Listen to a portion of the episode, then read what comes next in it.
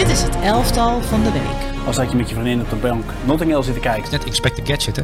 Ik heb uh, afgelopen weekend over voorassist gedroomd. Onnavolgbaar. Hij is weer ouderwets een absoluut statistieke monster. Dus dat is gewoon mooi. Dit is zo'n romcom. Van Suleiman en Jarno.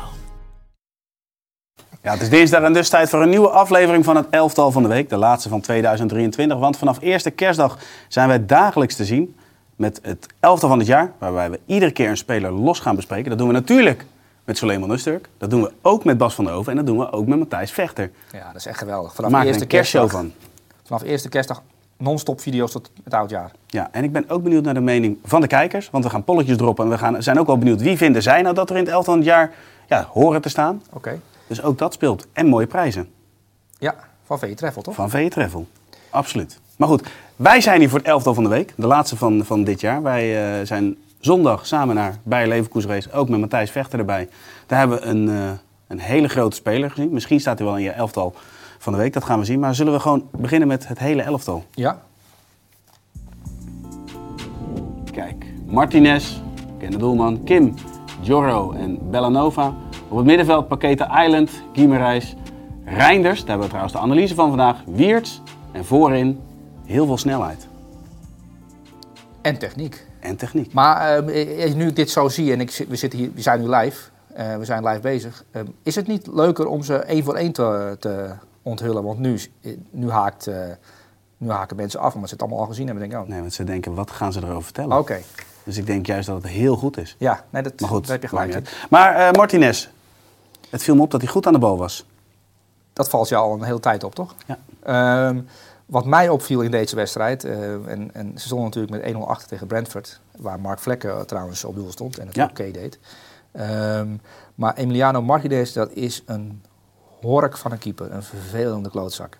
Um, die, ook in het veld, hè? Ook in het veld, ja. Die ja. alles, ja, vooral in het veld. die er alles aan doet om, om, om een beetje dat uh, vuurtje aan te wakkeren. En ja, die laatste, er is natuurlijk veel over gezegd, die laatste paar minuten en, uh, en, en, de rode kaarten die eigenlijk zijn eigen ploeggenoot aansmit, omdat er een opstootje ontstaat door zijn uh, geweldige acteerwerk. Uh, Zo'n grote fan die dan neergaat. Hoe kijk je daarna? Um, ja, ik vind het heerlijk om, om, om naar te kijken, um, omdat je, ja, ik zit thuis op de bank en in dit geval zat ik naar, naar, naar de videobeelden te kijken van Wijscout. Um, en ja, wat, wat, je dan ziet is een, is een groot acteur. Uh, en ook een van de beste keepers ter wereld. Gaan we serieus naar een carrière van bijvoorbeeld Vinnie Jones, die op een gegeven moment ook echt is nee, gaan Nee, dat, zo bedoel ik dat niet. Cantona? Nee, zo dat bedoel niet. ik dat niet. Ik bedoel, um, um, dit is wel een jongen die Lionel Messi een, een wereldtitel heeft bezorgd. Hij in zijn eentje. Uh, en daar is uh, Messi hem voor eeuwig dankbaar voor. Uh, en, en, en Martinez, ik bedoel, als je acht, negen jaar onder contract hebt gestaan bij Arsenal en gewacht hebt op je kans. En dan naar voren treedt als doelman. Uh, international wordt, wereldkampioen wordt en nu met Aston Villa kampioen dreigt te worden. Uh, weet je wel, de groei die hij heeft doorgemaakt de afgelopen jaren. Uh, ja, dit is wel een geweldige keeper. En hij kan daarvoor, toen Una Emery nog geen trainer was, kon je aan hem niet goed zien dat hij echt ook aan de bal redelijk nee, veel helemaal niet zelfs. goed kon voetballen. Maar goed voetballen. Gewoon prima. Ja, nee, maar wat je nu ziet, is dat een trainer hem heeft hem zodanig beïnvloed dat hij uh, want hij heeft natuurlijk wel de bravoure en het lef om het uit te voeren. Want dat, is natuurlijk, dat, dat komt natuurlijk ook bij. Meevoetballen is niet alleen techniek. Dat is ook in je kop zodanig geprogrammeerd zijn dat je de scheid aan hebt dat er, dat er twee spelers op je afkomen. En dat je op het laatste moment wacht, tak, en dat je dan speelt. Dat moet je wel kunnen. En durven vooral. En ja, deze jongen, ik denk niet dat hij heel bang is. Uh, dus ja, ik heb wel genoten van het totaalpakket. Uh, de Emiliano Martens en meevoetballen en geweldige redding op de doellijn ook nu ook weer. Ja, uh, plus, plus uh, in de laatste fase, ze komen natuurlijk op 2-1. Ze staan 1-0 achter. Brentford, het thuispubliek, dat vindt dat niet, niet fijn. Want die denken, we worden bestolen door Aston Villa. Um, en ja, hij zorgt ervoor dat die wedstrijd als een soort van uitgespeeld wordt op zijn manier. Ja, vond ik geweldig om naar te kijken. Ja, en staan nu gewoon tweede samen met Liverpool achter Arsenal. Ja, ja, op maar twee punten van de koploper na, na zoveel wedstrijden. Ik bedoel, we zijn bijna halverwege het seizoen. En, en de grote vraag is, en dat werd ook bij Match of the Day behandeld door Gary Lineker en, uh, en companen. Van, kan Aston Villa kampioen worden? En iedereen in die studio zei, ja dat kan. Nou, dat vind ik bijzonder. Dat, is dat in dit bijzonder. tijdperk met, met Klopp, met Guardiola, met al dat geld wordt geïnvesteerd. Met Ten Hag bij United, uh, met Tottenham. Uh, Chelsea natuurlijk, dat miljard heeft geïnvesteerd. Dat Aston Villa met begin Boubacar, Camara, eh Esri Consa, Emiliano Martinez, Ollie Watkins, dat die groep Ja, ja. ja. kampioen kan worden. Dat is bijzonder. Eh, en dat maakt hem ook wel enthousiast voor de komende. Je gaat toch kijken, ga- want Aston Villa, Brentford, is, Brentford Aston Villa is natuurlijk niet de eerste wedstrijd die je aanzet op livescore. Of eh, bijvoorbeeld als je Ja, onderweg maar bent. zo, zo keken we voorheen ook naar Leverkusen en naar, naar Brighton. En dat is nu toch ook anders. We zien toch ook een leuk Ja, voetballende maar ploeg. kijk, Leverkusen is nog wel enigszins een club die altijd bij de eerste zes hoort te eindigen. eh, die altijd de ambitie heeft om Champions League voetbal te halen. Ja, dat mislukt dan. eh, die nog nooit kampioen is geworden. Maar daarvan vind ik het niet vreemd dat ze één of twee staan. Ehm, welke club zei jij nog meer? Brighton. Het is ook de manier van voetballen wat dan aanspreekt. En dat vind ik bij Aston Villa. Het is ook leuk om naar te kijken. Ja, ook, ja, ook dat. Ja, maar, maar ze hebben gewoon een trainer die ook gewoon drie keer op rij de, de UEFA Cup heeft gewonnen. Ja. Ehm, die natuurlijk met Villarreal het een en ander gepresteerd heeft. En die alleen in Engeland bij Arsenal het niet goed heeft gedaan. Ehm, maar dit kan zijn magnum opus worden. Ja. Aston Villa naar de titel leiden. Maar goed, Emery zit sowieso in de top 5 van Pieter, toch? Van zijn trainers. Dat kan niet anders. Nou, ik heb, eh, ik heb natuurlijk mijn eh, spionnen aan het werk gezet. En Unai Emery. Maar die video komt nog uit, hè? Die komt nog uit. Ehm, dus ik mag niks verklappen. Maar Pieter Zwart, die, eh, die heeft wel... ja, die, die, heeft iets uit te leggen. Achting, in mijn achting gedaald. Die heeft wel iets uit te leggen. Die heeft ja. iets uit te leggen. Ja. Nou, dat houden we dan nog even vast. En dan laten we hem zeker op Ik ben heel benieuwd naar de argumentatie ook. Ja, maar Piet heeft altijd... eh, Ja, die heeft altijd een goede argumentatie en daar komt hij vaak mee weg. Thuis maar jij denkt en op dit werk. niet? Ja, maar vooral dit, thuis. Ja, maar dit keer komt hij hier niet meer weg. Want, Nee. ehm, maar goed, dat is voor een andere video. Precies. Cijfer voor Martinez. Een acht. En acht. Dan gaan we naar Bellanova. Ehm, de wingback van Torino. Ja, Balvaardige wingback. ja. Eh, los van de assist, ik vond zijn passing, rust aan de bal. Het- soms is een wingback, we hebben Frank Pong gezien, dat is eigenlijk geen back, maar dat is een buitenspeler. Soms is een, een wingback iemand die hoog op het veld staat en daar iets. Maar dit is gewoon een middenvelder die als wingback speelt, voor mijn gevoel. Ja. Ehm, ja, ehm, nou, Raúl Bellanova, Torino, eh, inderdaad, aan de rechterkant, de wingback. Eh, ze wonnen met 1-0 van Empoli en hij gaf de assist op Zapata, de voormalige spits van Ja. Atalanta, die nu die bal eh, binnenwerkte. Maar Raúl Bellanova, hij is 23 jaar. Eh, Spalletti, die is natuurlijk bondscoach van, Arge- van Argentinië, bondscoach van Italië geworden. Ja. En die heeft hem al bekeken. Die is naar Torino gereden, Turijn. Trainingen bekijken van deze jongen. Uh, Spalletti neemt de zaken serieus. Maar goed, een heel ander iets. Ja, bij Torino nu dit seizoen. Ehm, al jaren talent, bij Inter gezeten. Maar ja, Dumfries, concurrent, beter. Ehm, nog niet op dat niveau qua explosiviteit. Maar ehm, ja, ik heb ook mijn achtergrondinformatie eh, bijgewerkt over deze Raúl Bellanova. En eh, ik ga je zo iets anders vertellen. En dan- helaas heb ik je daar niet over ingelicht. Anders had Matthijs de beelden kunnen klaarzetten ehm, van zijn vriendin. Maar daar komen we zo op. Oh, Ja, die heeft een, dat- is een mis, maar wel een hele aparte mis. Maar daar ga ik zo iets over meer over vertellen. Dus hou, hou de aandacht vast. ja, precies. Maar ik heb ook een interview gelezen met Raúl Bellanova aan het begin van het seizoen.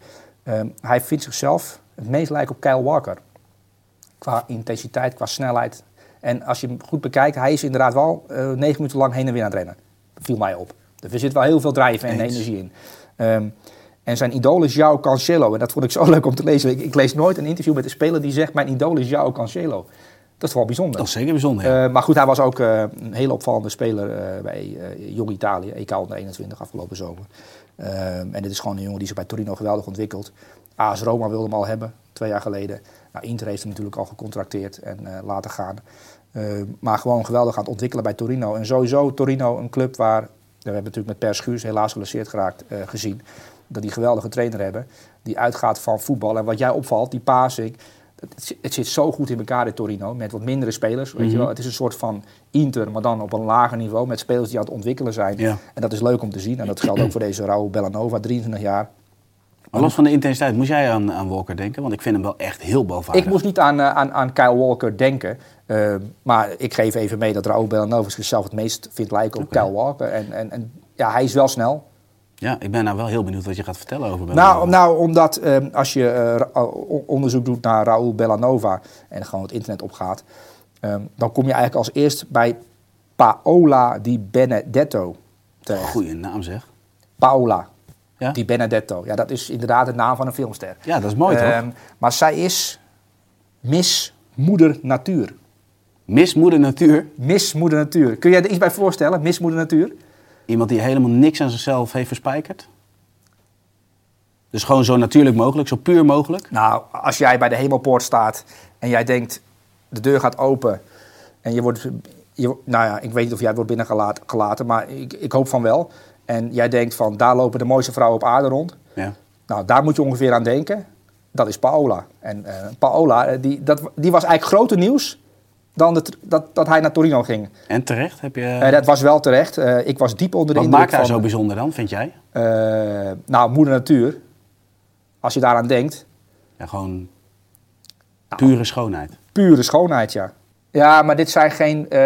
kijk, ze heeft, ze heeft natuurlijk Miss Moeder Natuur gewonnen met een bikini-wedstrijd. Ehm, als zij over, over het strand loopt, dan kijken mannen en vrouwen om.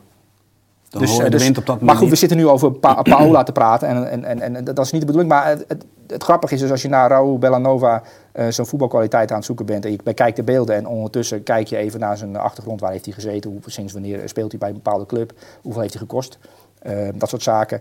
Dan eigenlijk krijg je alleen maar hits over Paola... want dat, is waar de Italiaanse journalisten dan in is een beetje de situatie zijn. waarin Kenneth Taylor nu ook zit natuurlijk. Nou, maar Paola is toch wel een eh, andere gradatie dan, eh dan Ja de Anna. Ja? Oké. Ja, vind Nou ik wel. Oké. Kijk, daar staat ze. Het is, is in beeld. Dus mismoeder natuur. Ja. Ja, nou, ja. top.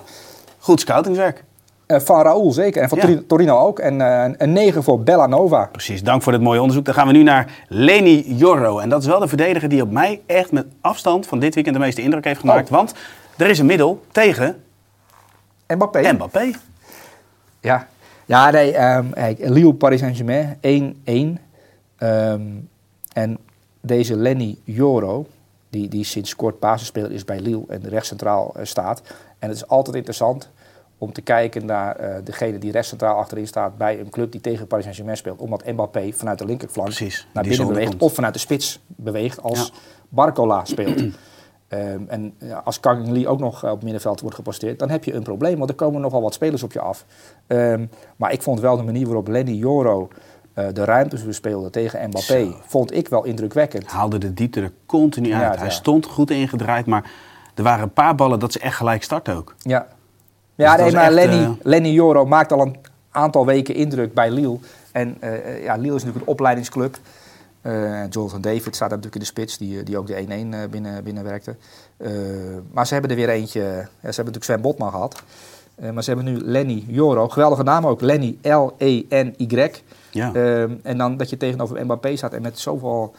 Ook rustig blijft in de situatie als je hem zeer dan kalm, verovert. ja. hè? En, en, en eh, Thierry Henry is natuurlijk nu de bondscoach van Jong Frankrijk. Dat vind ik een geweldige functie voor, voor Thierry Henry. Hebben ze genoeg centrale verdedigers bij Frankrijk, denk jij?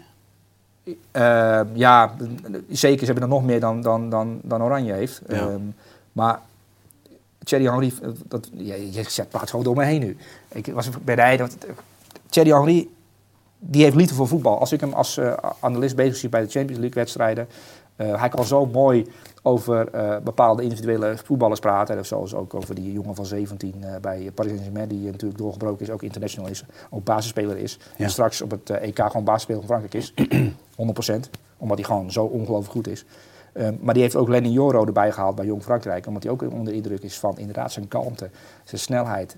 De, ja, de, de diepgang die hij eruit kan halen tegenover Mbappé. Maar als je dit tegen Mbappé kan. ehm, en jij groeit dit seizoen nog door tot het eind van het jaar. Ehm, dan staan indrukwekkend. clubs in de rij. Dat was echt indrukwekkend. Je hebt Saliba, en, Saliba en, en dat soort jongens. Hè, Koundé, Lenny Joro staat binnen twee, drie jaar bij een topclub onder contract. En misschien dat- wel eerder. Maar er waren, waren denk ik drie, vier momenten dat hij ook echt gewoon, dat er ook geen verdediger bij hem in de buurt. Dat hij Nee. echt in de 1 op 1 1 op 1 stond. tegen Mbappé. In grote ruimtes. Ja, dat is gewoon de jungle ingestuurd worden. Zonder, Met een biefstuk om je nek. Nee, zonder wapens. Naakt. En dan gewoon de lachend weer uitlopen. Jongens, was dit nou zo eng? Hebben jullie iets, iets anders om het te doen? Ja, dat is wel bijzonder hoor. Dat je gewoon eh, één op één eh, Mbappé en dat je dat gewoon oplost. Ehm, dat zie ik namelijk ehm, bij Feyenoord, Geertruida, niet doen vanaf die plek. Die heeft hulp nodig van het elftal. Maar. Lenny Joro kan je, kan je loslaten op eh, Mbappé. En eh, Mbappé was daar ook wel van onder de indruk. Maar ik vind ze ook niet helemaal vergelijkbaar hoor. Nee, nee, nee, ik, snap wel wat je bedoelt, maar dit, is, dit is onder maximale weerstand dat presteren. Overigens een mooi voorbeeld hoor. Zit dat, Je zit het te visualiseren nu. ja, ja. eens. Mooi. Wat voor cijfer krijgt voor zo'n optreden tegen Mbappé? Nou, nou, 9. negen. Dikke 9 plus. Een dikke 9 plus. Ja. Terecht, terecht. Dan gaan we naar Minja Kim. Ja. Assist, een doelpunt. Wat is de reden? Afgekeurd ook nog een goal. Afgekeurd. Wat maakt hem deze week zo goed dat hij in jouw elftal Nou ja, staat? tegen Stuttgart. Dennis Oendaf is natuurlijk eh, nu... Oh ja. die, ja, die is natuurlijk de- opgeroepen voor... Althans, die gaat opgeroepen worden voor de nationale ploeg. Die heeft zich eigenlijk niet, niet, niet, bekeerd. Maar hij kon kiezen tussen Turkije en Duitsland. Hij heeft voor Duitsland gekozen. Optie voor Nagelsman. En dan kom je Minjai Kim tegen. En dan word je compleet uit de wedstrijd eh, gespeeld. Maar Minjai Kim, die natuurlijk aan zijn eerste jaar bezig is bij Bayern München... eh, links achterin eigenlijk de licht uit de basis heeft verdreven... en de licht ook naar de rechterkant heeft verdreven... waar, waar hij met Upamecano moet strijden om de, de resterende plek in die achterhoede. Maar aan de bal goed. Dat heeft hij bij Napoli laten zien, maar dat doet hij bij Bayern München ook. Ehm vooruit verdedigen vind ik hem sterk in. Ik vind hem in de ruimtes achter hem verdedigen vind ik hem sterk in. Het is een zeer complete eh, verdediger en misschien wel een van de beste verdedigers op dit moment ter wereld. Die staat gewoon links achterin bij Bayern München en dat, die is, dat is Minjai Kim. Ehm, ja, Dennis Oendaf totaal uit de wedstrijd gespeeld. Ehm, en inderdaad ook in de 16 van de tegenstander is hij ook zeer gevaarlijk. Want eh, ja, en- een assist en een goal en een afgekeurde goal, dan ben je natuurlijk wel aanwezig. Absoluut. Ehm, dus ja, een vrij complete prestatie tegen Stuttgart, dat ook eh, bij de bo- bovenste vier eh, speelt. Ehm, dus ik was wel Waar echt... vind je dan echt in uitblinken? Want eh, nu, nu noem je eigenlijk alle verdedigende aspecten ook. Maar aan de bal in de periode van Napoli hadden we het altijd over zijn passing. Waar hij ook heel goed in is. Ja, waar vind je hem nou echt in uitblinken? Nou, ik vind hem in de passing ook. Ik vind hem zeer kalm in, in de ballen die hij gewoon rustig moet geven. Ehm, er zit geen vertraging in. En je ziet bij, bij de licht soms eh, dat die bal net onhandig aanraakt. Maar ik moet niet te veel over het licht hebben nu, anders krijg ik weer iemand op het dak. En ik vind hem gewoon zeer compleet. Vooral dat, en ook het verdedigende aspect. Want hij wordt natuurlijk het monster genoemd. En eh, het monster Kim. En daar is hij zelf zeer trots op, op die bijnaam. Ja, als je naar hem kijkt, is het inderdaad ook wel een vrij gigantisch... eh, eh, vrij gigantische Koreaan. Ja. Maar hij is ook resoluut in, in de manier waarop hij ingrijpt en vooruit verdedigen. En hij maakt heel weinig fouten. Ja, dat klopt. Ik zit, ik, zit ik zit te denken van, je zegt op dit moment een van de meest complete beste verdedigers, al dan niet van, eh, van Europa. Ja. Eh, ja, ik vind hem bij de top 3 behoren. Ja, maar zet zet hem eens naast Virgil van Dijk. Waarom? Gewoon meer interesse van wat is nou echt het grote verschil tussen Minja Kim en Virgil van Dijk? Ja, ik, ik, ik denk dat eh Minjai Kim op dit moment beter is. Maar Virgil van Dijk is natuurlijk de aanvoerder van Liverpool in een elftal. in een kleedkamer waar hij natuurlijk al jaren de leider is. En dat, dat, dat is natuurlijk ook een belangrijk aspect. Ik denk dat Virgil van Dijk in het, in, eh, in, in het leiderschap, het leiding geven aan een defensie, eh, eh, de uitstraling eigenlijk de hebben. performance. De performance zelf, ja, dat, dat, daar is Virgil van Dijk verder dan de welk verdediger dan ook ter wereld. Dat heeft hij enorm mee, Ja. ehm, die présence. Ehm, en daarin kan Minjai Kim misschien nog stappen zetten. Maar dat, daar kan el- elke verdediger ten opzichte van Van Dijk nog stappen zetten. Maar puur bekeken op wat een verdediger kan, technisch gezien, tactisch gezien, dat zijn er weinig beter dan Minjai Kim op dit moment. Vind ik persoonlijk. Maar Nee, misschien overdrijf. Nee, nee, helemaal niet. eens of niet? Nou ja, kijk, ik was wel nieuwsgierig eh, de transfer naar Bayern, wat dat dan teweeg zou brengen. Want Ja. bij Napoli was hij echt wel de schakel die ook middenvelders inspeelde. Kvaratskhelia was in zijn zone, kwam Ja. heel vaak aan de bal. Ehm, bij Bayern is- zijn de ruimtes om te verdedigen groter.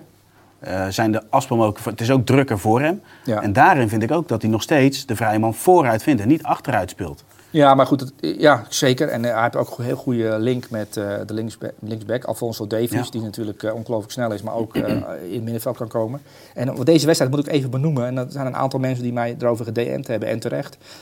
Alexander Pavlovic uit de eigen jeugd, 18 Ja. jaar, die, die ja, de, de hoekschoppen nam, alle vrije trappen nam, geweldige trap heeft. Ehm Servisch-Duitse jongen. Ehm, en, en Tuchel die heeft natuurlijk wel wat gezegd over de middenveldbezetting. En Kimmich was er niet. Eh Goretzka was, er niet- was er niet. Dus ze moesten het een en ander eh, eh, oplossen op het middenveld. En Guerrero stond nu op het middenveld samen met Pavlovic. Natuurlijk een gek middenveld voor Bayern München. Absoluut. Ehm, maar die Pavlovic die maakte in deze wedstrijd ook wel een, een, een geweldige indruk als, als talent uit de eigen opleiding. Speelt er al jaren in de jeugd, nu in de tweede. Eh, Gaan we die vaker zien? In de komende nou, periode? ik denk wel dat Tuchel zodanig onder indruk is van zijn prestatie tegen Stuttgart. ehm, dat, en, en dat we hem inderdaad vaker gaan zien. En eh, ook in het tweede seizoen zat. En ze, hij zal nodig zijn ook omdat ze zo weinig opties hebben op het, eh, op het middenveld. eh, op dit moment. Dus de- Bayern München zal eh, de transfermarkt op moeten gaan om, om een middenvelder erbij te halen. Maar ja, eh, als, je, als je dit al kan op 18-jarige leeftijd, is het wel een speler om in de gaten te houden.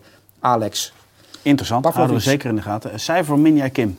Een 9. Nee, gaan we naar de middenvelders. Eh Lucas Paqueta gaan we even kort doornemen. Ehm, de twee passes, dus de assist op Kudus, Ja. waren mooie momenten. Maar ik vond sowieso dat, dat in zijn passing, Dat hij ook continu wel riskante opties eh, koos. Maar er zaten wel echt een paar ballen bij dat je denkt van... Ja, echt. Gewoon zo fijn besnaard, zo goed inzicht. Technisch supervaardig. Nou, drie assists, twee op Kudus en inderdaad één op Bouwen. En de assist op Bouwen was een soort doortikken. Ehm, maar Lucas Paqueta, dat is een, ja, een, een, een luxe voetballer van West Ham United. En, het, en, en je ziet nu dat met Kudus, die link is wel geweldig. Kudus op de rechterkant, Paqueta meer aan de linkerkant. Ja. En die tweede paas op hem, geloof ik dat het was. Eh, ook die eerste trouwens. Ja. Eh, de manier waarop je hem vindt. Eh, ook de manier waarop Kudus daar aan die rechterzone, die kan je gewoon zijn ding laten doen hè, op dat niveau. Het maakt hem dus niet uit tegen wie die voetbalt eh, in de Premier League. Ehm, Hadden we laatst ook in die analyse dat hij heel veel tegenstanders aan zich Ja. bindt. En dat Dus- hij rustig blijft. Dat en hij, dat hij ook zijn heeft met hem een geweldige aanspelenoptie. En met Bowen trouwens ook, die eh, vanuit de spits eh, speelt bij West Ham nu. Maar Lucas Paqueta, ja, ik snap wel dat, eh dat Manchester City hem graag wilde hebben. Omdat hij natuurlijk aan de bal ehm, ja, wel heel, heel kleine gaat, gaatjes weet te vinden. Want de ballen op Kudus, dat zijn wel ingewikkelde ballen die hij geeft. Ehm, Ja, eens. ja, dat is echt een blikopener, Paqueta. Mooi. Ja. Cijfer? Een 9, ja, drie assists eh, tegen de Wolves, 3-0 winnen. Dan krijg je een 9. Helemaal eens. Dan gaan we naar Bruno Guimaraes. Ja. Ja, Bruno, Bruno. Wat voor cijfer had Bruno. ja, eh, Lee Ryder heeft hem geen 10 gegeven. dat meen je niet. Want Lewis Miley viel in. Die zat op de bank en die viel in na een minuut of, ja, ik denk 20, 25, ja, dat weet ik wel zeker. Ehm, en die gaf inderdaad voor een jongen van 17 ook een masterclass. Ik ben 17, kijk mij eens goed zijn. Want Lewis Ja. Miley is wel een speler, dat vind ik wel bijzonder hoor, dat hij bij Newcastle doorbreekt. Gordon was ook weer goed. Ja, Gordon is natuurlijk ook al het eerste seizoen zelf geweldig aan zich gaan ontwikkelen. Maar Bruno Guimaraes is wel vrij compleet ehm, als middenveld. En die speelt dus zo makkelijk. Links en rechts die lange ballen. Ehm, en je ziet ook het publiek. ja, Gordon is inderdaad een bewegelijke eh dribbelaar. Lewis Miley die ziet eruit als 12. En die is dan 17. En die speelt er ook zeer volwassen. Eh maar Bruno Guimaraes is de papa van het elftal. En eh, jongens, ik regel het wel. En het gemak waarmee hij dat spel vormgeeft, maar ook het ingrijpen, zo compleet. En dan zit je te kijken naar Manchester United. En dan zie je Scott McTominay en dan denk je, jeetje mina, dit, Bruno Guimaraes, hoeveel miljoen? Ja. Je wat ik zo mooi vind? Als hij aan de bal is, dan, dan zet je hem stil. En dan heb je, zie je opties, maar hij ziet dan de, opties die je dan soms niet eens ziet, die geeft hij dan alsnog. Weet je? Hij Ja. verrast altijd. Ja, En bij die het is- assist, ja, dat is waanzinnig. Ja, het is ook wel, ehm, je kunt, je, als je, Scott geeft de bal vaak aan de dichtstbijzijnde speler, maar dan is hij die bal kwijt. Bruno Guimaraes is niet bang om een fout te maken en hij maakt weinig fouten.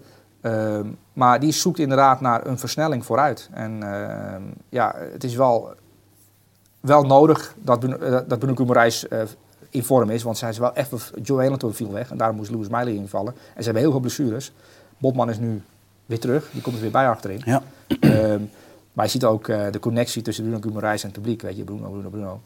Ehm, ja, ja, dat is een bijzondere speler meer dan 100 passes in zo'n wedstrijd. Hij is wel zeer dominant. En, eh, en toch niet makkelijk met Palaninha, die bezig is toch met het afstoppen van, van wat jij doet. Ja. Maar dat maakt hem niet zoveel uit, hè? Nee, nee. Als je nou die assist op Burn, alleen daarop, wat voor cijfer zou hij dan moeten krijgen van jou? Wat vind jij? Ja, ik persoonlijk vind het Jij 10. vindt het 10? Ik vind het 10. Eh, ja, ik, ik vind zo- kritischer, hè? Nee, nee, nee, maar eh, kijk, Lewis Miley een 10 en Bruno Guimaraes kreeg een 9. Eh, maar ik zou Bruno Guimaraes ook een 10 willen geven. Terecht. Ja, Mooi. voor deze waar was echt geweldig tegen Ja, Fulham. ik ben het helemaal met je eens. Dan gaan we nu naar de analyse, want we hebben Tijani Reinders. Ja, die was ook goed. Die was zeker goed. Ja. We hebben de, de prachtige paas gezien. We hebben de goal hebben gezien. Nou, dat laten we niet zien. We hebben het erover gehad. We kwamen eigenlijk wel tot de conclusie dat hij super compleet is. Zowel defensief als aan de bal. Dus dat hij veelzijdig is in balbezit en balbezit tegenpartij. Eh, maar voordat we naar de beelden gaan, dan zien we dus de heatmap en de paasmap. En dan ben ik benieuwd. Dit is dus ja, Reinders namens Milan. En wat zegt dit beeld? Ja, dat hij overal staat. En overal komt. En dat hij... eh, En een sweet spot heeft. En een sweet spot heeft. Ja. Ja. Moet, jij, moet jij de mensen uitleggen wat een sweet spot is? Want, eh, wat, Nou, ik denk dat dit, dit is zijn favoriet gebied. Daar komt hij het meest en daar is hij eh, het, het meest dominant. Maar hij was inderdaad overal te zien. Want als je dit vlak hebt, dit maar is als hij, daar aan de bal- als hij daar aan de bal komt, dan aan de buitenkant loopt Theo Hernandez dan de trein, die, die komt voorbij. Hè? Zeker. En dan gaat Leao ook bewegen. En aan de... Ja, dus dit is wel lekker, een lekkere sweet spot is dat. Ja, en wat ik mooi hier aan vind van, eh, even de sweet spot niet meegenomen. Het is een soortgelijke heatmap ook bij balverlies. Ja. Daar is hij ook overal in het druk zetten, in het terugsluiten. Verdedigen laag, verdedigen hoog. Nou hebben we nog zijn, zijn passes. Die zien we dan in het volgende beeld. Doelpunt staat er ook mooi eh, aangegeven. Ook hier zie je dus in de eindfase belangrijk, in de eerste fase belangrijk, op het middenveld belangrijk. Hij bepaalt het ritme en dan gaan we dus gelijk door naar de beelden. Ja. En dan ben ik benieuwd wat je daarvan eh, vindt, eh Suleiman. We gaan ze even beeld voor beeld kort bespreken. Dit is de situatie, eh, Milan gaat zo meteen balverlies leiden. Nou, hier begint hij dus vanuit de as. Hij leest de situatie, sluit gelijk terug. In het volgende me- fragment zul je dus ook zien dat hij hem verovert. En speelt hij ook gelijk door, want het is altijd een voetballende oplossing. Hier zie je dus dat hij ook actief is in het druk zetten. Een aantal keer ging dat goed, eh, maar op het moment dat het dus niet goed gaat, dan is dit het natuurlijke gedrag. Gelijk terugsluiten. Nou, dit fragment staat hij nog relatief hoog. Hij heeft ook wel eens lager teruggekomen, maar hij gaat helemaal mee tot de zijlijn. Nou, dan komen we balbezit. Hier haalt hij hem op. Eh, daarmee, wat we ook bij Palacios gezien hebben, bindt hij ook een tegenstander. Dit vond ik heel mooi. Volgens mij de bal van Leao krijgt hij zo meteen eh, terug. En waar je dan onder druk de simpele paas verwacht, ziet hij gelijk de oplossing, laat maar zeggen, tussen de linies. Dus we kunnen weer vooruit voetballen. Hij versnelt het tempo dus. Hier weer zo'n omschakelmoment. Relatief veel mensen op de bal. Hij kijkt vooruit. Bal gaat naar de zijlijn, naar Leao in dit geval. Ze kunnen doorvoetballen, maar dit is ook mooi. Hij bepaalt ook al gelijk de volgende oplossing van. Dus hij is continu met het spel bezig. Nou, dan de prachtige passes. Buitenkant, Buitenkant rechts. ja. Lopende speler, echt waanzinnige paas. Ja, en deze. Je zou verwachten, hij legt hem terug. Hij wipt hem over Giroud en dat vond ik wel het doelpunt. Los, ik snap de solo van Reinders. Ik vond het echt mooi. Maar Ja. ik vond dit in de schoonheid van... Je vond de voorassist lop? Ja, vind ik mooier. Maar ook het doorbewegen, laten vallen van Giroud. Ik moet zeggen, ik ben onder de indruk van je verhaal weer. Ehm, en eh, ja, ik vond dit tegen Monza, ze winnen met 3-0. En ja, hij valt, die goal, die solo, is natuurlijk wel iets wat in het nieuws komt. Want eh, het is leuk om te laten zien. Absoluut. Ehm, en die assist, of de assist, de voorassist, het boogballetje dat hij geeft, moest ik aan Ronaldinho denken. En daar komen we zo op. Ja.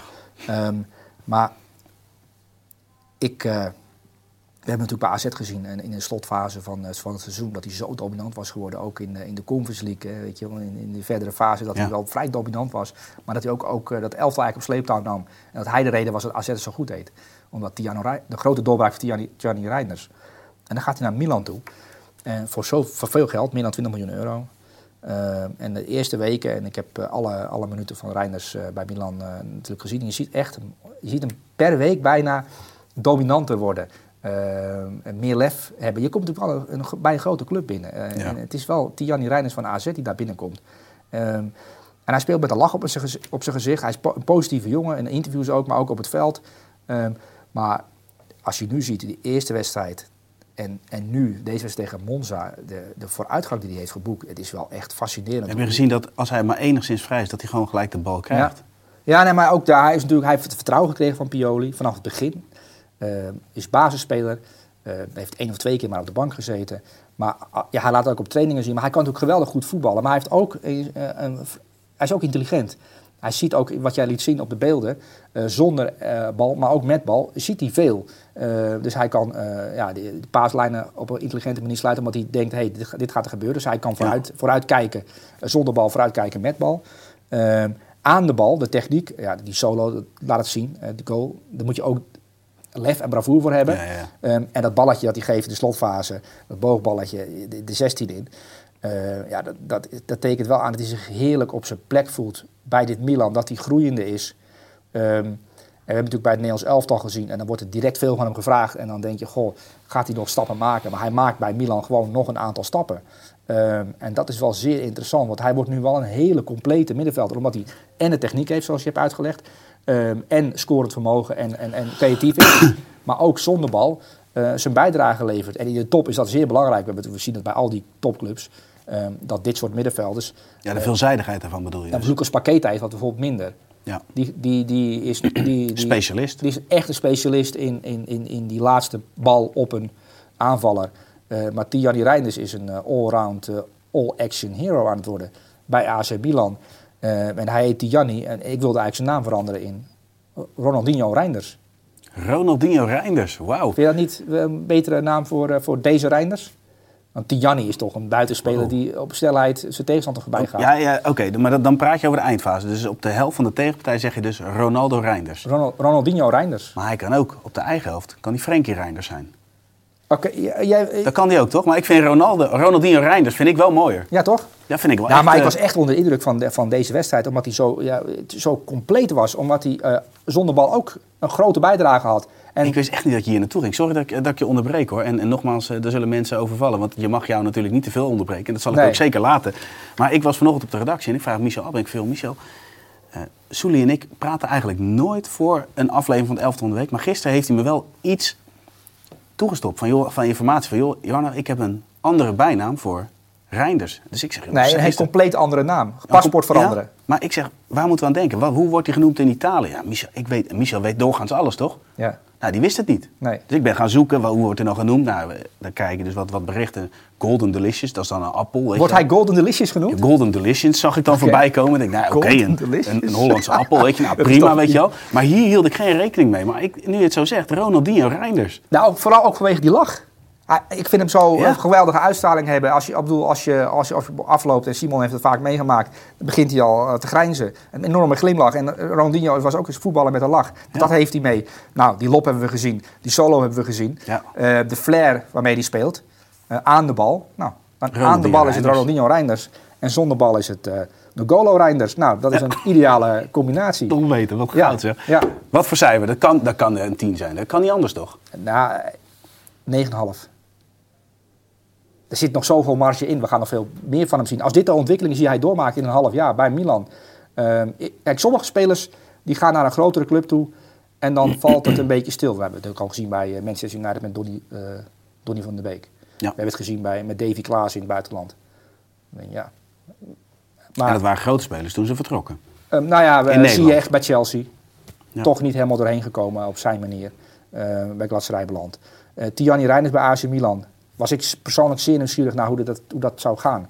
Nou ja, eh, hij is nu een van de spelmakers bij, bij, bij AC Milan. En eh, ja, je hoopt dat er ook nog om hem heen kwaliteit bij komt. Dat Pioli het op de rit krijgt en dat ze bij de eerste vier gaan. Eigenlijk is wel belangrijk natuurlijk. Want ja, eh Ronaldinho Reinders zijn bij de nummer 6 in de Serie A is niet fijn. Nee, je wil graag Ronaldinho Reinders zijn bij de nummer 1 of 2 in de Serie A. Mooi Dus, gesproken. maar goed. 9,5. Dan gaan we naar de volgende middenvelder. En daar, ja, daar vind ik iets van. Ik dacht echt Oh. meer van... Ik, ik vind Florian Wiertz, ik wil er gelijk daarbij zeggen... We hebben die wedstrijd zondag gezien. Met afstand de meest getalenteerde voetballer van Duitsland. Ja, Potentieel misschien zelfs van Europa. van Europa. Oké. Maar toch, als je naar de wedstrijd tegen Frankfurt... vond ik Palacios wel Ja, maar dat de is meest ook- dominante middenvelder. En daar heb ik wel zo van genoten. Dus ik had stiekem Ja. toch gehoopt dat je voor hem zou kiezen. Maar ja, je bent wie je bent en je hebt scheid aan mijn mening. Ja, nee, ik heb helemaal geen scheid aan jouw mening. Dat denk jij altijd maar. Maar eh, dat, je, je maakt jezelf kleiner dan Maar je jij hebt ook genoten van Palacios, toch? Ja, ik heb, maar ik heb ook genoten van Odilon Kosunu. Zo. Die, ehm, ehm, en, en, en, Ma- en Matthijs die zit nu achter de knoppen. Ehm, ik denk dat hij ook wel onder de indruk was van Kosunu. Die, die, die spelen natuurlijk een driemans defensie. Maar ze hoeven Ta en, eh, en wie speelt er nog meer daarop? Ta, Die jongen die eh, in de belangstelling staat van Tottenham. Oh ja, uh, Tapsoba. Ja. Dus Tapsoba en Ta hoeven ze eigenlijk niet op te stellen. Ze kunnen met negen man spelen, want Korseno speelt, lost het wel. Dat vind ik echt heel ongelooflijk. Ehm, we hebben het over Lenny gehad, maar Korseno is, eh, verdient eigenlijk ook bijna elke week wel een, een plek in het elftal. Trouwens, Tapsoba, die inderdaad, eh, ja, die kan ook een boek gaan lezen bij Leverkusen. Want die is eigenlijk alleen maar handig als ze bal moeten uitspelen.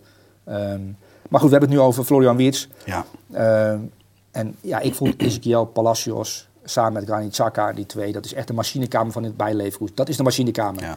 Ehm, maar je kunt alleen maar een machinekamer hebben als er een Florian Wirtz omheen loopt die creatief kan zijn. En ik vind het mooie aan Ezequiel Palacios, en ik denk dat hij, Xabi Alonso heeft daar, is daar mee bezig geweest.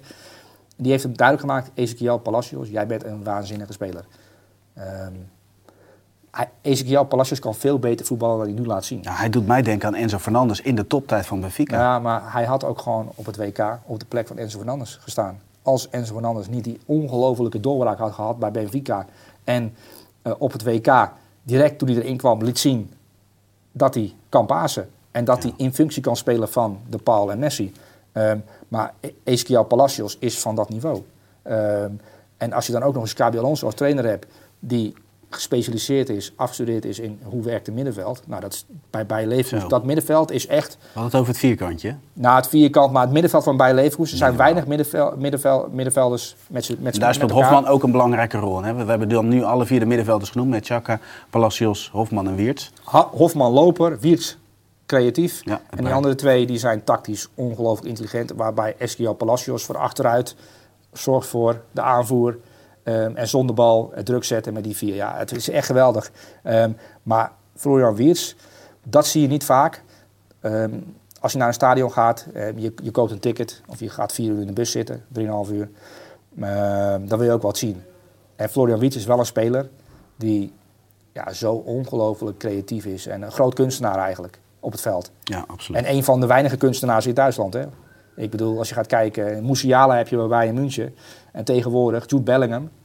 Ehm, ja, dat is een, dat, daar moeten we misschien al later een keer over hebben. Misschien in, in, in het eh, elftal van het jaar. Want dat vind, daar vind ik ook iets van. Maar dat is totaal niet relevant nu.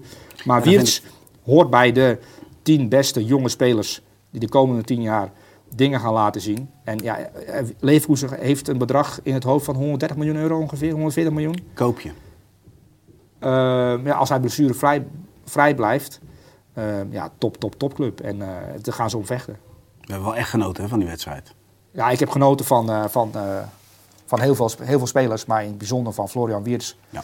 Ik Eh, moet zeggen, tijdens de 11 van het jaar kunnen we dus een, een prijs winnen, mede mogelijk gemaakt door VE Travel. Ja? Als je het hebt over even snel naar Duitsland, je bent er met een paar uurtjes en dan het, ja, het, het beste vierkant van Europa zien, dat is wel de moeite waard. En eigenlijk is het wel iets wat je zou moeten doen voordat Xabi Alonso weg is, want dat kan zomaar voorbij zijn met de magie.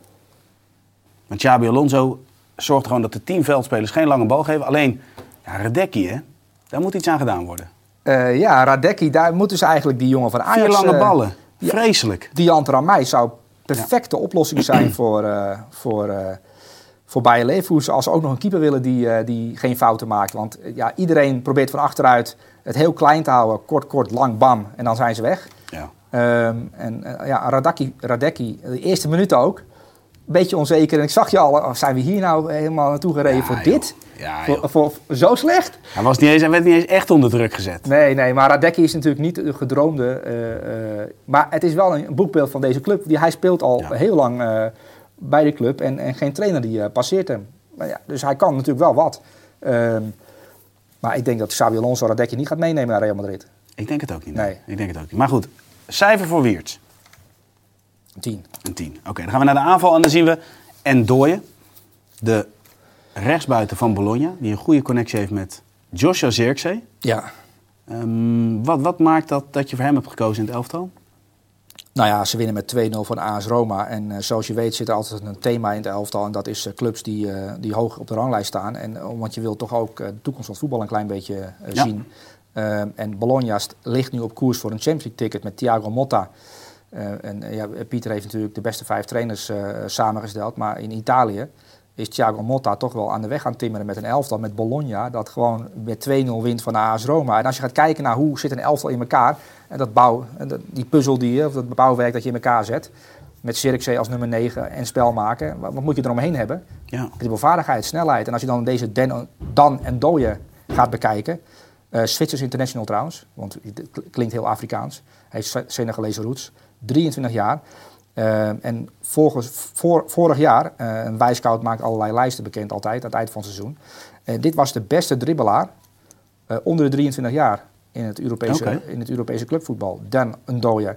En door Bologna voor 9 miljoen gekocht. En als je nu ziet aan de rechterkant hoe moeilijk hij het AS Roma maakte. de rechter centrale verdediger van Roma, Ndika, Ja. die speelde...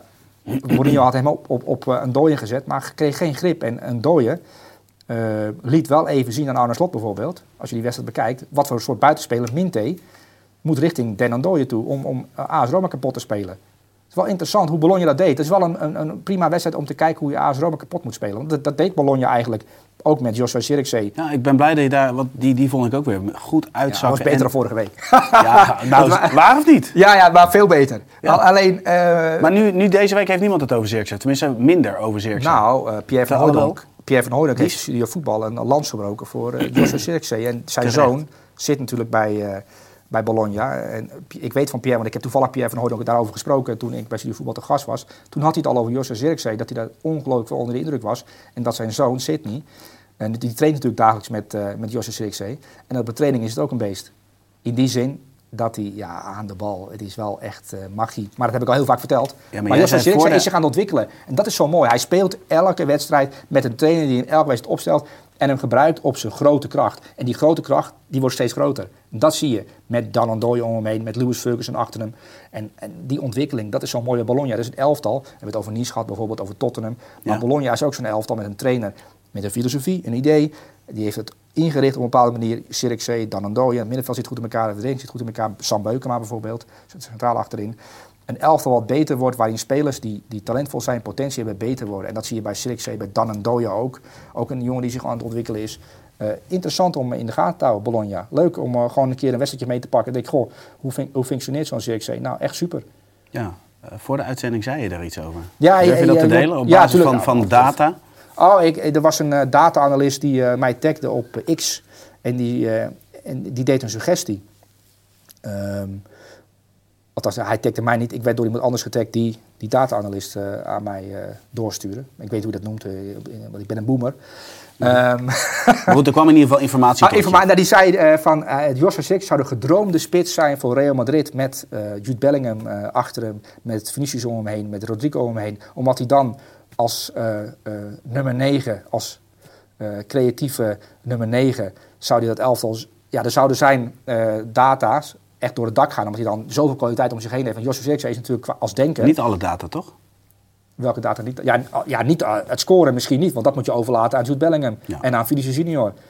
Maar zelf ook je goals meepakken. Maar het is wel, uh, Six heeft een interessant profiel. En het leuke is dat je nu bij Bologna, nummer drie in Italië, daar gaan mensen naar kijken en die denken, goh, hij is wel erg goed en creatief eh, als ehm, eh, playmaking striker, kun je hem wel noemen, hè? Als, Ja. als spelmaker spits. En, en, en dat is wel leuk dat, eh dat Thiago Motta dat er bij hem uit weet te krijgen. En dat zag je bij Anderlecht toen ook al, toen hij daar op huurbasis speelde. Ehm, dat is zijn grote kwaliteit, dat hij, dat hij ja, verdedigers met zich meetrekt, dat hij, dat hij het spel ehm, als nummer 9 naar zich toe kan trekken en dan zo'n Den Andoye bijvoorbeeld kan lanceren. Ja, die Eh, steeds schuin onder hem was. Want het ja. gaat om dat, dat de, de dialoog met de middenvelders en de spelers om hem heen. Daar blinkt hij uit. Dat is wat uh, Wijscout aangeeft. En hij stond dus ook kort om hem. Dus eigenlijk alles wat, wat in een cirkel om hem heen zich bevindt, laat maar zeggen, die Ja. blinkt uit. Ja, hij kan dat goed. En dat wordt dus door een trainer gestimuleerd. En ja, eh, je ziet dat tegenstanders daar dus geen antwoord op hebben. Want ja, Bologna wint veel wedstrijden. Staan eh, in de top van de Serie A. eh, dankzij eh, ja, toch wel veel jonge jongens die daar eh, bij elkaar verzameld zijn eh, door de scouting. En, en een trainer die daar met de filosofie eh, heel veel uit weet te halen. Het is wel een leuk, le- leuk project, Bologna, Ja. op dit moment. Absoluut. Maar goed, jij hebt gekozen voor Endoye. Wat voor cijfer krijgt hij? Een 9. En, ja, en ook gewoon een international. Hè? Dus we gaan die ook op het, op, op het EK denk ik wel zien. Dan mooie. Gelijk weer kijken. Dan gaan we naar de spits. Cole Palmer dit keer. Ja, ja ook, ook een, een, een opvallende voetballer. Ja, wat maakt hem zo bijzonder, vind jij? Eh, nou, wat, ehm ja, wat, wat Tijan Reinders ook heeft. Geef mij de bal maar. Komt goed. En eh, het is natuurlijk een jongen van 21 jaar. Ehm, en je hebt Phil Foden eh, bijvoorbeeld. Je hebt Jared Bowen. En daar kiest Southgate dan voor. En maar Cole Palmer, de komende half jaar, die gaat natuurlijk veel, veel meer goals en assists maken voor Chelsea. En hij begon nu vanuit eh, de nummer 10 eh, rol. Hè, en daarna werd hij naar de rechterkant eh, verwezen. Ja. Waarbij hij ook veel aan de binnenkant stond. En waar hij naar de binnenkant komt, inderdaad.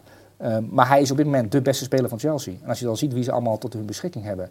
Ehm, en Pochettino eh, vindt dat ook, want die, ja, die stelt hem altijd op. Eh, maar ja, een, een, een voetbal die ze bij City vandaan hebben. En als je dan ziet wat kwaliteit hij heeft, dat geeft wel iets aan over de grens bij, of de, de lat bij City ligt dan kennelijk dus zo hoog dat voor Cole Palmer ge- geen ruimte is om die daar te ontwikkelen. Maar als je ziet wat hij kan, het is toch wel zon, doodzonde dat City die, die heeft verkocht. eh althans, vanuit City bekeken. Ik denk voor Cole Palmer heerlijk is dat hij bij Chelsea alle tijd krijgt om... eh, Ja, vind je dat heerlijk? Want ik, ik ben altijd wel benieuwd wat, wat hij zou brengen in een ploeg die nog dominanter is. Veel meer op de helft van de Ja. tegenstander. Ruimte is kleiner. Ik denk dat je dan nog meer ziet hoe goed hij is. Ja, denk je? Ja, dat denk ik wel. Nou, ik heb bijvoorbeeld Riyad Mahrez. ehm, vind ik persoonlijk. Kijk, die is natuurlijk bij Leicester City doorgebroken. Is naar, is naar, eh, eh, naar City gegaan. En die speelde daar ook in die machine van Guardiola. En je, moet, je bent daar wel beperkt aan een aantal eh, eh, dingen die worden opgelegd door Guardiola. En, en, en alleen nu zie je dat Doku bijvoorbeeld, die, die voetbal dat was doorheen. Want die is zo Mhm. snel en zo behendig en zo ongelooflijk snel op de eerste meters.